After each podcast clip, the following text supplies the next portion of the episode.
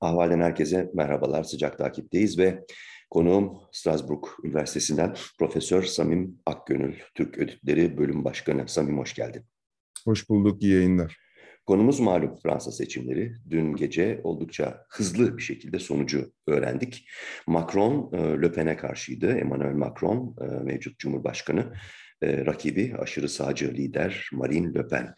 58.6 aldı e, oyların 58.6'sını aldı Macron. E, 41.4'ünü de Le Pen aldı. Katılım e, önceki seçimlere kıyasla biraz daha düşüktü. Ama e, yine de e, söylenebilir ki, denilebilir ki e, coşkulu, angajmanlı bir seçim oldu. Şimdi şuradan başlayalım Samim istersen.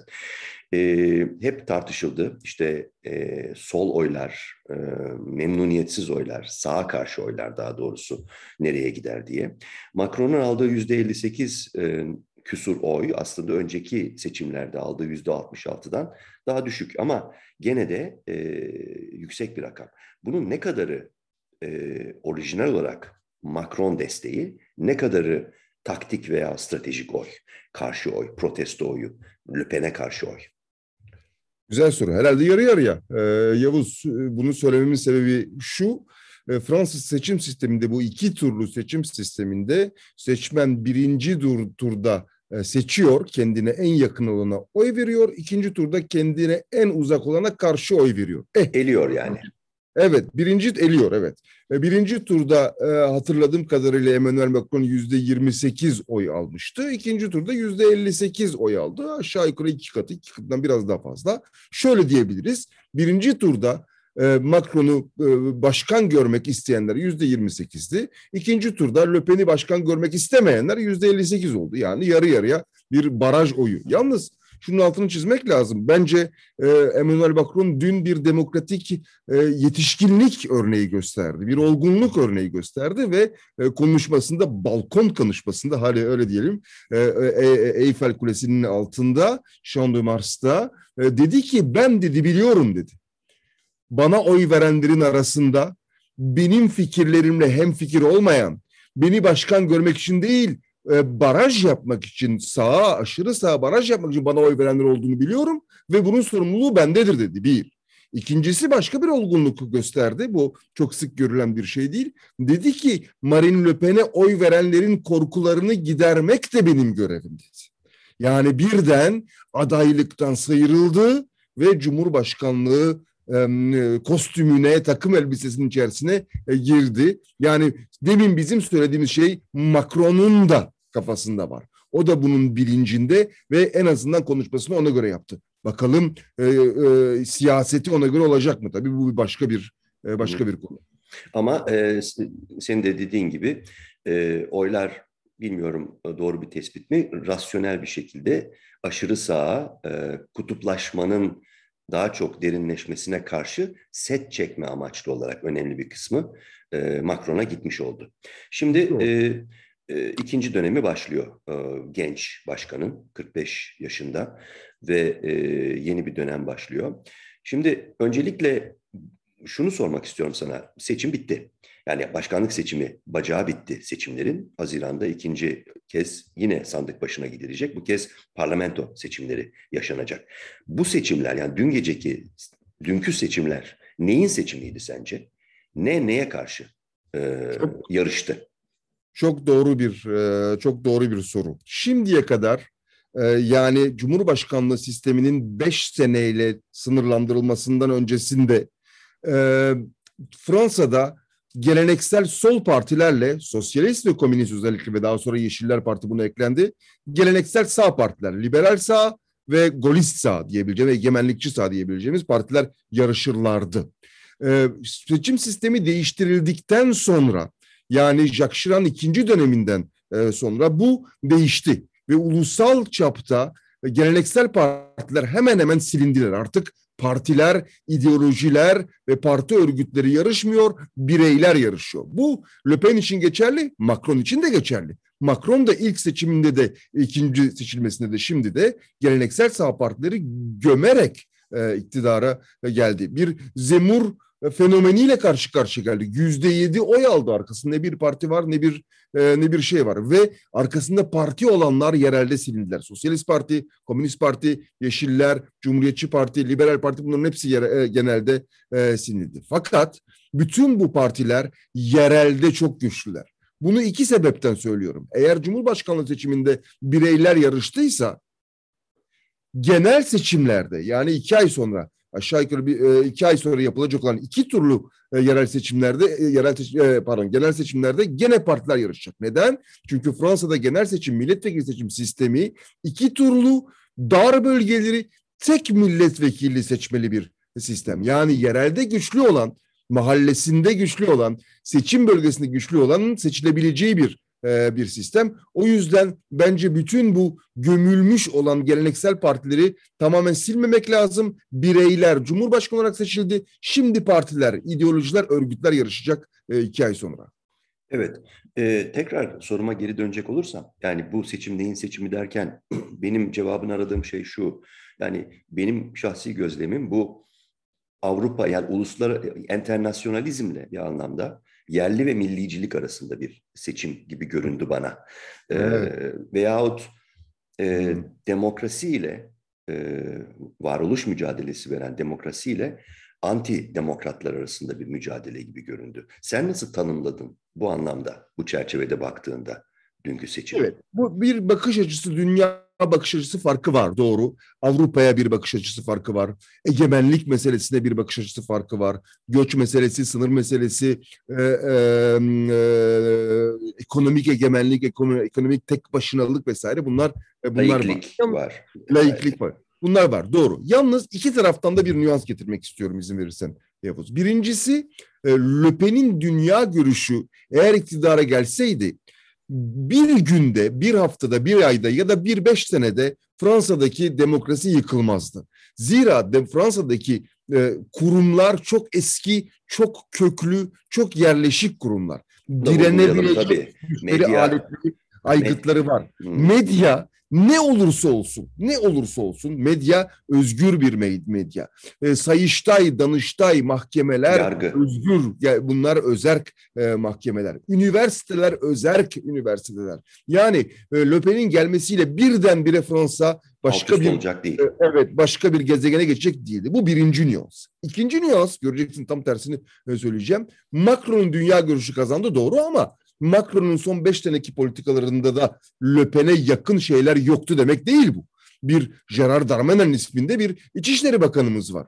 Ee, bu İçişleri Bakanı'nın söylemleri, politikaları vesaire aslında popülist sağın e, söylemlerinden çok da uzak değil. Yani ne Macron bembeyaz ne de Le Pen'in simsiyahlığı kazansaydı bütün Fransa'yı boyayacaktı. Bu iki taraftan bir nüans getirmek gerekli elbette. Ama tabii ki popülistler senin de bildiğin gibi bizim Türkiye'de çok iyi bildiğimiz gibi e, popülistler iktidara geldikleri zaman hemen ilk işleri devletin DNA'larını değiştirmeye çalışmak oldukları için olduğu için bir tehlike ve bir tehlike vardı. Bunu Amerika Birleşik Devletleri'nde Donald Trump yapmaya çalıştı. Kısmen de başarılı oldu kısmen de başarılı oldu. O yüzden bu bu alınabilecek bir risk değil. Hadi bir de bunu deneyebilir, deneyelim denilecek bir şey değil. Ee, önümüzde e, karşımızda ne bileyim Sırbistan örneği var, Macaristan e, örneği var vesaire. O yüzden tabii Fransa için sevindirici bir durum. Bunu da saklamamak lazım. Türkiye'de sol çevrelerde özellikle yani Macron'un böyle e, aşırı liberalist, liberal olduğuna dair bir, bir algı var. Aslında e, bakıldığı vakit e, sosyal devlet e, gövdesi çok güçlü olan e, Fransa yönetim sisteminde Macron herhalde e, daha çok merkeze yakın bir bir e, liberal olarak bir Thatcher değil yani Macron aslında bakıldığı vakit böyle görünüyor. E, onun üzerinde bir takım e, e, nasıl söyleyelim kozmetik belki senin de dediğin gibi bazıları derin e, değişiklikler yaparak ilerlemeye çalıştı. Bunu devam ettirecek herhalde. E, ya tabii genel yapıyı bozmadan e, evet. geleneksel Fransa yönetim yapısını bozmadan, kurumsal yapıları bozmadan. Yanılıyor muyum bu gözlemimde? Yok hayır tabii elbette. E, yanlış şunu da belirtmek lazım. Bir, Thatcher tipi politikacılar Fransa'da oldu. Örneğin bir Alain Madeleine vardı. Şimdi herkesin hmm. e, unuttuğu bir Alain Madelin vardı. Bu Fransa'nın işte DNA'sına uymadı herhalde. Bu organ nakli uymadı. Hemen e, dışlandılar, popüler e, popüler olmadılar. Evet, Emmanuel Macron bir bankacı. Bir bankacı ve ekonomi bakanı ve liberal bir ekonomiye işte e, inanan, e, pazar ekonomisine inanan bir bir kapitalist. Hadi öyle diyelim. Birincisi. E, ikincisi e, 1988'den yani e, e, François Mitterrand'ın ikinci döneminden beri adım adım Fransa'daki sosyal devlet kırıntı kırıntı azalıyor. Bu da doğru. Yani 1990'larda e, benim Fransa'ya geldiğim zaman ki sosyal devletle bugünkü sosyal devlet arasında bir fark var. O da e, doğru ve bu adım adım kırıntılar devam edecektir ama birden değiştiremez. Bir tek konu var. O konu çok önemli bir e, konu. O da emeklilik konusu tabii. Emeklilik yaşı konusu, emekliliğin tek bir paket içerisinde alınması konusu ben Fransa'ya geldim 1990 senesinde oldu 2022 hala bu konuşuluyor. Yani 1990'dan 2022 kadar bu konuşuluyor. Emeklilik yaşını uzatmak çünkü işte yetmiyor. Yetmiyor. Yaşlı çok e, çalışan e, az. E, hatta Sarkozy'nin zamanındaki dediği seçilmiş göç de buna yönelikti. Aman ya tamam göçe, göçe karşıyız da kim çalışacak bu emekliliklerin emekliliklerini ödeyecek, bu sosyal devleti devam ettirecek? Hani seçelim de onlar çalışsın, e, emeklilerimiz emekli maaş alabilsin gibilerinden. Bu emeklilik reformunu işte ben Fransa'da 22 senedir buradayım. Ee, e, hiç 32 değil mi? Ee, senedir, senedir, senedir buradayım. Bir türlü bunu e, yapamadılar. Sendikalar çok güçlü çünkü. İşte sivil toplum e, çok güçlü e, vesaire. Anladığım kadarıyla Macron da bu konuda bir geri adım attığı sinyalini verdi. Ama bu sinyali seçimi kazanmak için mi verdi? Seçimden sonra tekrar yavaş yavaş bu konu gündeme gelecek mi? Bunu beraber e, göreceğiz. Ve e, herhalde genel seçimlerin, milletvekili seçimlerinin büyük bir önemi olacak bu konuda. Evet. Peki gelelim e, sendikalardan bahsettin, sivil toplumdan bahsettin. E, Fransa'nın e, çok çok çok gerilere giden e, geleneksel sol ve e, anarşist geleneğinden de e, bahs aslında bahsetmiş oldun. Şimdi gelelim sistem parti, soldaki sistem partilerinin e, çöküşüne, büzülmesine daha doğrusu. Evet. E, ortada böyle bir manzara var. Ama diğer taraftan da e, güçlü bir şekilde gür sesle ortaya çıkan bir Melanchon var. E, Melanchon'un aldığı oy oranı dörtte bire yakın neredeyse e, ve bu aslında bir şey söylüyor bize Fransa ile ilgili olarak. E, acaba e, bir yan soru. Macron e, dünkü konuşmasında sanki biraz onu hissettirir gibiydi. Yani herkese yani Le karşı olanları da ben dikkate alacağım. E, bana oy taktik oy verenleri derken e, Melanchon'u veya Melanchon'un hareketinden bazı güçlü isimleri kabinesine alabilir mi? Bir birinci soru bu. İkinci buna yine bununla bağlantılı. Bu e, çöküş halinde olan e, soldaki sistem partilerinin bundan sonraki geleceğini nasıl görüyorsun? Evet. E, Melanchon'un ne yakınları kabinesinde alabileceğini düşünmüyorum. Çünkü Melanchon iki ay sonra seçimleri kazanmak istiyor. E, yani oradan kendi yakınlarından kabineye birilerinin gideceğini düşünmüyorum. Ancak hatırlayalım 2017'de Macron ilk iktidara geldiğinde e, aşağı yukarı kabinesinin yarısı sol ve sosyalist gelenekten gelen insanlardı. Ne demişti Macron? İşte kültürel olarak soldayım, ekonomik olarak sağdayım e, demişti. Bu tek pek işlemedi. İyice sağa girdi ve liberal sağın bir temsilcisi olarak tekrar iktidara geldi. Ama neden olmasın doğru o dörtte bir oylara bir sinyal vermek için kabinesine belki de e, yürütmenin birebir içinde olmayan bakanlıklar için e, soldan sosyalistlerden e, bilmiyorum işte Kültür Bakanlığı vesaire gibi e, Fransa'da önemli olan e, bakanlıklardan e, Çevre Bakanlığı gibi e, soldan insanları elbette e, koyabilir. Bu e, bu olabilir. E, fakat ben solun, so, sosyalist solun daha doğrusu e, yerleşik solun tamamen yok olduğunu düşünmüyorum. İki sebepten düşünmüyorum. Bir, gene yerelde e, şu anda bugünümüzde birçok belediye, bölge, büyük bölge sol partiler tarafından yönetiliyor zaten. E, belediye başkanları, bölge başkanları, il başkanları vesaire. Başta İkincisi, Paris. Başta Paris, benim yaşadığım Strasbourg. Strasbourg'da Yeşiller, e, Yeşiller iktidarda. E, yani yerelde bu yerleşik sol hala var. 1981'den e, beri ademi merkeziyetçileşme çerçevesinde ki bu devam eden bir e, bir süreç aslında yerel genele bir karşı birçok zaferler e, kazandı. Birçok konuda birçok zafer. Eğitim konusunda, vergi konusunda, ulaşım konusunda vesaire. O yüzden yereli tamamen silmemek lazım. En azından Fransa e, Fransa özelinde. İkincisi senin de belirttiğin gibi Jean-Luc Mélenchon gibi bir figür ki Sosyalist Parti'den çıkmış bir iziptir. Yani Sosyalist Parti'nin fazla merkeze yaklaştığını düşünüp de Sosyalist Parti'den çıkmış bir iziptir. Mitterrand zamanında. Evet. E, böyle bu kadar önemli bir oy e, alması e, gerçekten bir e, bir bir gösterge. Yüzde yirmilerin üzerinde bir gösterge. Ve şimdi ne dedi? Üçüncü turumuz var dedi iki ay sonra. Beni dedi seçin.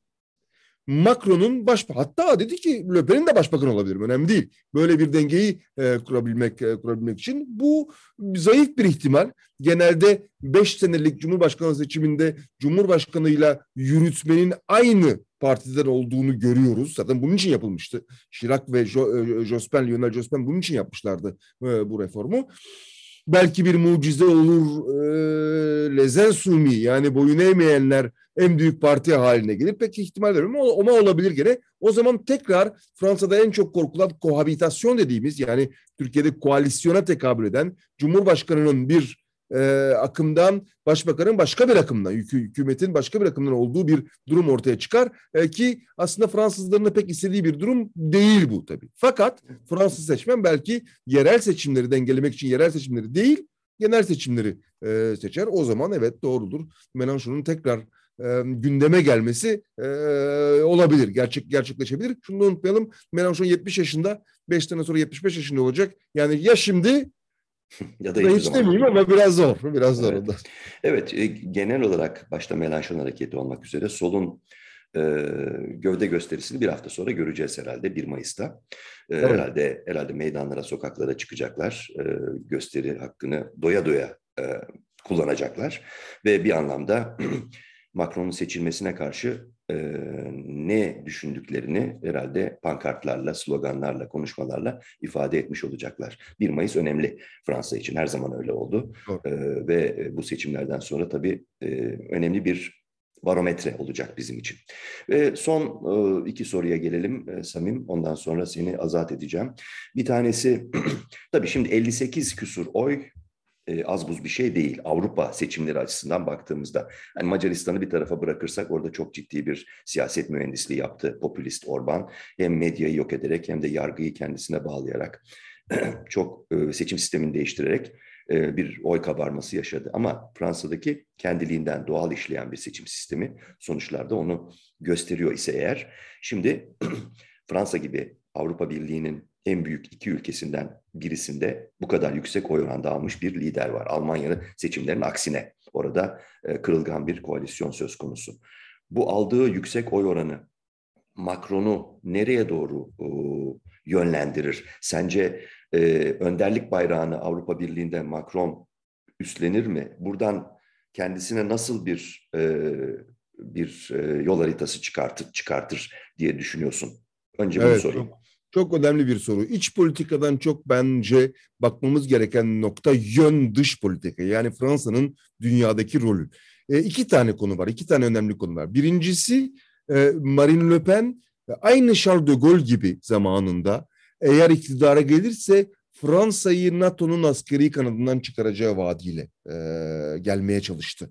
Ve Macron tam tersine Fransa'nın NATO'nun içerisinde çok etkin ve güçlü bir rol oynamasını savunan bir lider ve bence bu beş sene içerisinde e, göreceksiniz e, NATO'nun içerisinde önemli bir rol oynayacak. E, Rusya'nın zaten Ukrayna'yı e, işgalinden itibaren NATO tamamen büyük bir değişime girdi. Hiç konuşmadığımız NATO birdenbire herkesin dahil olmak istediği, işte rol oynamak, oynamak istediği bir kurum haline e, geldi. Bence Fransa burada Amerika Birleşik Devletleri ile elbette e, başı çıkacak. Bu birinci e, konu. İkinci konu, burada da demin sen altını çizdin. Ne vardı Avrupa Birliği'nin içerisinde? İşte çeşitli çemberler olduğunu düşündük hep. En yukarı, en dipteki, en e, ortadaki işte güçlü çember, onların çemberleri vesaire. Bu güçlü çemberin içerisinde üç tane ülke vardı. Birincisi Fransa, ikincisi e, Almanya, üçüncüsü Büyük Britanya. E, Büyük Britanya çıktı Brexit'le. Almanya'da Merkel dönemi kapandı.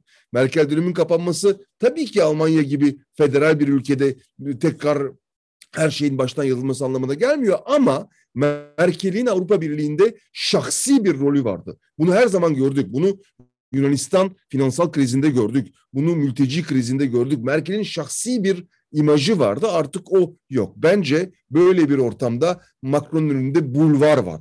Avrupa Birliği'nin liderliğini e, alabilmek için ve bence bu konuya çok yatırım yapacak. Dikkatini çekerse senin de dikkatini çekmiştir. Dün Macron e, balkon konuşmasını gene yapmak için yürürken arkada kalçalan marş Fransız marşı değildi. Avrupa marşıydı. Beethoven'ın Avrupa marşını e, çaldırdı. Bu çok önemli bir, e, bir sembol e, mesaj ve zaten hatırla tartışmada da televizyon tartışmasında da e, Marine Le Pen Fransız bayrağını Avrupa bayrağın bayrağıyla e, yer değiştirmesi konusunu suçlamıştı Emmanuel Macron'u. Bence evet böyle bir takım semboller var. AB'nin liderliğine soyunacak gibi e, gibi görünüyor Emmanuel Macron ve bence başarılı da olacaktır. Belki bu konuda bu konuda Fransa-Türkiye arasındaki ilişkilerde bir e, nasıl diyeyim bir gelişme, e, değişme değil ama bir gelişme e, gerçekleşebilir. Türkiye ile Avrupa Birliği arasındaki ilişkiler çerçevesinde. Ben de tam onu soracaktım son soru olarak. Yani bu seçim sonucu Türkiye-Fransa ilişkilerini, Türkiye-Avrupa ilişkilerini nasıl etkiler? Evet. Birincisi etkiler. Yani farkı nasıl dönem... hissedeceğiz peki? Macron daha evet. güçlü bir lider e, profiliyle mi Türkiye'ye daha eleştirel, daha e, farklı, daha... Şart değil, şart değil, şart değil. Şöyle, ee, e, birincisi birinci dönem içerisinde şahsi olarak Emmanuel Macron ve Recep Tayyip Erdoğan atışmaya, söz atışmalarına girdi birbirlerine. E, hatta Recep Tayyip Erdoğan bir akıl hastası vesaire dedi. Emmanuel Macron e, Macron için. Herhalde artık bunu yapabilmek biraz o kadar e, kolay değil. Bir. İkincisi, yine bu taraftan nüans, e, nüans edelim. E, Birçok konuda Türkiye ile Fransa arasındaki gerginlikler azaldı aslında. E, şu konularda azaldı. Bir, Doğu Akdeniz konusunda azaldı. Fransız gemileri e, gitmişti oraya. Türkiye önemli bir geri bir geri adım e, geri adım attı. E, ikincisi Suriye meselesi iyice artık sönümlendi. Türkiye'nin orayı bir kısmını yarı işgal etmiş olması artık kabul edilmiş bir e, durum. Fransa maalesef e, Fransa için maalesef elbette artık bu bölgedeki gücünü yavaş yavaş e, kaybediyor. Fransız ordusu Mali'den e, çekildi herhalde başka yönlere doğru e, gidecek vesaire. Bu konuda bakıldığında Türkiye ile Fransa arasında gerginlik konuları her zaman olacak. Tabii ki işte Ermeni soykırım var. Dün 24 e, Nisan'da Ermeni soykırım tanınma e, meselesi var vesaire vesaire ve bazen de iki liderin de işine geliyor bu gerginliği arttırmak. Fakat e, e, ilişkilerin biraz daha e, olumlu bir zemine oturacağını oturacağını düşünüyorum. Zaten 2023'te Türkiye'de de seçimler olacak. Belki apayrı bir Türkiye ile e, karşılaşacağız ve Fransa ile ilişkileri çok daha iyi bir duruma e, gelecek. E, Türkiye-Avrupa Birliği ilişkilerinde de bir takım gelişmeler olacağını düşünüyorum. E, zira Türkiye artık bu son 20 yıllık son hadi diyelim 15 yıllık maceralarının e, fazla meyve vermediğini anlamış durumda. Hatırla e, daha birkaç sene önce, öncesinde galiba işte Şangay Beşlisi'ne girelim Rusya'nın e, liderliğinde madem Avrupa Birliği e, istemiyor. Avrupa e, Arap Baharı çerçevesinde işte Müslüman kardeşlerin e, lideri olalım. Mesela bütün bu e, şeye e, Gürcistan'a ve Ukrayna'ya hamilik yapalım. Gördüğünüz bütün bunlar, bütün bu Hayaller. maceralar AB'nin, Avrupa Birliği'nin, Batı Avrupa'nın yerini tutmuyor. Bu da anlaşılmış gibi e, gözüküyor, gözüküyor. O yüzden ilişkilerin biraz daha iyiye gideceğini düşünüyorum. Bir konu daha var Avrupa konusunda. O da Avrupa Konseyi konusu. Avrupa Konseyi'nde Türkiye'nin yeri e, çok ilginç bir yer oldu şimdi. Çünkü Rusya çıkartıldı Avrupa Konseyi'nden. Burada iki tane mesaj var. Birincisi diyor ki Avrupa Konseyi artık yani abartmamak lazım. Çıkarırım yoksa. Türkiye'nin de bazı konularda abarttığı konular e, var. Ama ikincisi Rusya'nın çıkmasıyla Türkiye Avrupa Konseyi içerisinde en güçlü ülkelerden bir tanesi haline e, haline geldi. Hem mahkemede hem e, konseyde. O yüzden bence Türkiye'nin Avrupa macerası tekrar başlıyor. Daha doğrusu hiç bitmemişti ama biraz daha hız kazanıyor ya da görünürlük kazanıyor diyebiliriz. Evet bir ihtimal olarak bunu da e, altını evet. çizerek bu sohbetin içine yerleştirmiş olduk. Evet genel olarak bir e, Fransa başkanlık seçimleri değerlendirmesi yaptı bize Profesör Samim Akgönül, Strasbourg Üniversitesi öğretim üyesi. E, bundan sonraki gelişmeleri de izleyeceğiz tabii ki. Haziran'da ikinci kritik aşama var Fransa seçimlerinde, parlamento seçimlerinde yine birlikte değerlendirme fırsatı bulacağız. Burada noktalıyoruz e, ahvalden, e, sıcak takipten. Herkese selamlar, hoşçakalın. Çok teşekkürler.